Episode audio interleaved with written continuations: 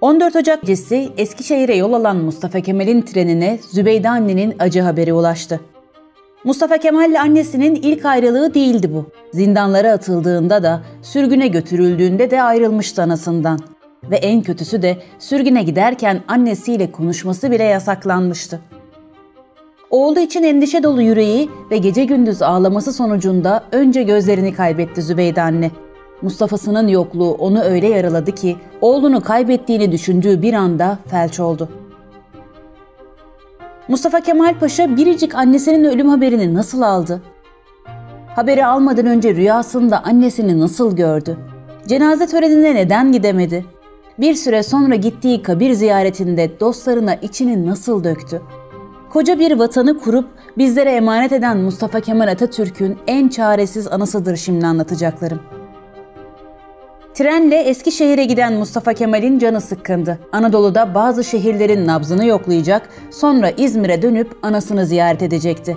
Kompartımanında otururken kapı önünde bir ses duydu. Ali Çavuş kapıda sigara içiyor, içeri girip girmemekte tereddüt ediyordu. İzmir'den kara haber gelmişti. Ali Çavuş kıyamıyordu paşaya. Kendi kendine konuşmaya başladı. Ona nasıl derim ki anınız öldü paşam diye. Mustafa Kemal Paşa'dır o. Anasının Mustafa'sı Çakır'ıdır. Onun kalbi anası için atar.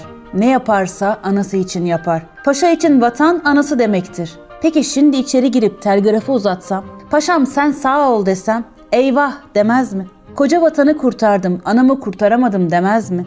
Ali Çavuş bunları içinden geçirirken Mustafa Kemal Paşa'nın seslenmesiyle irkildi. Emret paşam. Mustafa Kemal yatağa oturmuş, üstünde tiril tiril beyaz gecelik entaresi. Soruyor. Ne demeye kapıda bekliyorsun çavuş? Uykuyu tutturamadım da paşam. Bir sigara içeyim dediydim. Annemden haber var mı? Biraz önce bir telgraf geldi dediler. Şifreyi çözünce iletecekler. Boşuna kıvranma Ali Çavuş. Benden de saklamaya çalışma.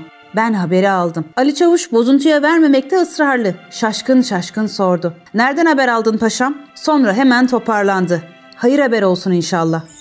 Az önce rüyamda yemyeşil bir ovada anamla el ele geziyorduk. Hep olduğu gibi bana bir şeyler anlatıyordu. Birden bir fırtına çıktı, bir sel bastırdı, anamı aldı götürdü. Hiçbir şey yapamadım. Hiç, hiç. Çavuş şimdi titriyordu. Hayır olsun paşam, üzme kendini. Derken Mustafa Kemal emri verdi. Çocuk al getir şu telgrafı hemen. Ali Çavuş kompartımandan çıkar çıkmaz telgrafın çözümünü getiren görevliyi gördü. Ver onu bana. Paşamız bekliyor dedi. Aceleyle içeri girdi. Dediğim gibi değil mi? Sen sağ ol paşam. Millet sağ olsun. Ağlama paşam. Neden? Ben insan değil miyim? Anam öldü. Bunu ağlarım. Ama ana vatan kurtuldu. Bununla da teselli bulurum. Benim için bu ikisi birdir. İşte bunun için bulunur kurtaracak bahtı kara madeni diye meclisin kürsüsünden cevap vermedin mi koca Namık Kemal'e? Birden Mustafa Kemal ile Ali Çavuş birbirlerine sarıldılar. Şimdi ikisi de açık açık ağlıyordu. Yine Salih Bozok anlatıyor. Telgrafımı aldıktan sonra yolu değiştirdiklerini öğrendik. Eskişehir'den bana çektikleri cevabı telgrafta verdiğiniz elim haber beni çok teessür etti. Merhumun uygun bir şekilde cenaze törenini yapınız. Cenab-ı Hak millete hayat ve selamet versin buyuruyorlardı. Emirlerini yerine getirdik. Sonra paşamız Eskişehir'den geri dönerek Arifiye, İzmit, Tavşancıl, Gebze, Bilecik, Bursa, Alaşehir, Salihli, Turgutlu, Manisa yoluyla İzmir'e teşrif ettiler. Bazı politik fırsatçılar paşanın hemen dost doğru İzmir'e gelemeyişini anlayamıyor ya da anlamazdan gelerek yanlış yorumlar yapıyorlardı. Bu onların eline geçen iyi bir fırsattı işte.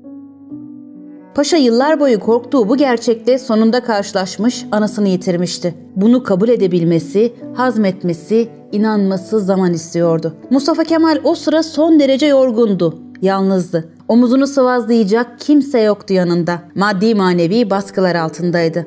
Bir cenaze törenine katılıp bunu bir protokol olayı olarak sonuna kadar götürmeyi demek ki tek başına göze alamamıştı.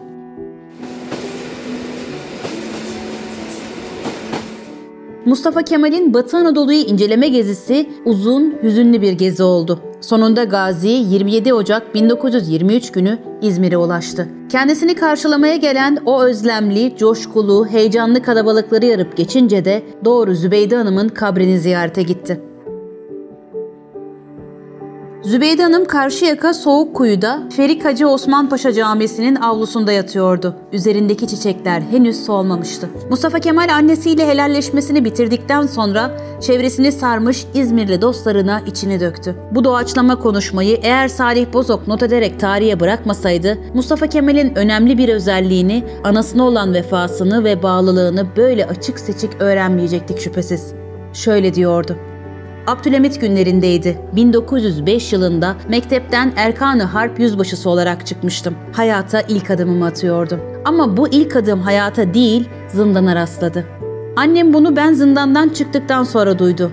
Hemen beni görmek için İstanbul'a geldi. Ama orada kendisiyle 3-5 gün konuşabildim. Çünkü yeniden o kötü idarenin jurnalcıları, casusları, cellatları oturduğumuz yeri sarmış, beni yine alıp götürmüşlerdi. Annem ağlayarak arkamdan geliyordu. Beni sürgüne götürecek olan vapura bindirirlerken o kadar istediği halde benimle görüşmesi yasaklandı.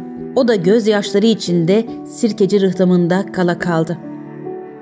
Mütareke yıllarında ben Anadolu'ya geçince annemi yine kaygılı ve endişeli İstanbul'da bırakmak zorunda kaldım. Yanımda bana arkadaşlık eden emirerim Ali Çavuş vardı. Onu Erzurum'dan İstanbul'a gönderdiğim zaman annem tek başına geldiğini duyunca benim için padişahın verdiği idam fermanının yerine getirildiğini sanıp felç oldu. Oturduğu evler ikide bir basıldı, arandı. Kendisini sıkıştırırlar, bilmediği şeyleri söyletmek isterlerdi. Annem o zamanlarda üç buçuk yıllık bütün gece ve gündüzlerini gözyaşları içinde geçirdi. Bu gözyaşları yüzünden neredeyse gözlerini kaybedecekti. Ancak şu son bir iki yıl içinde onu İstanbul'dan kurtarıp yanıma alabilmiştim. Ona kavuştuğum zaman o artık yalnız hisleriyle yaşıyordu. Annemi kaybetmekten çok üzgünüm ama benim bu acımı gideren tek bir tesellim var. Ana vatanı yoksulluğa, yokluğa sürükleyen idarenin artık bir daha geri gelmemek üzere yokluğun mezarına götürülmüş olduğunu görerek ölmüş olmasıdır.''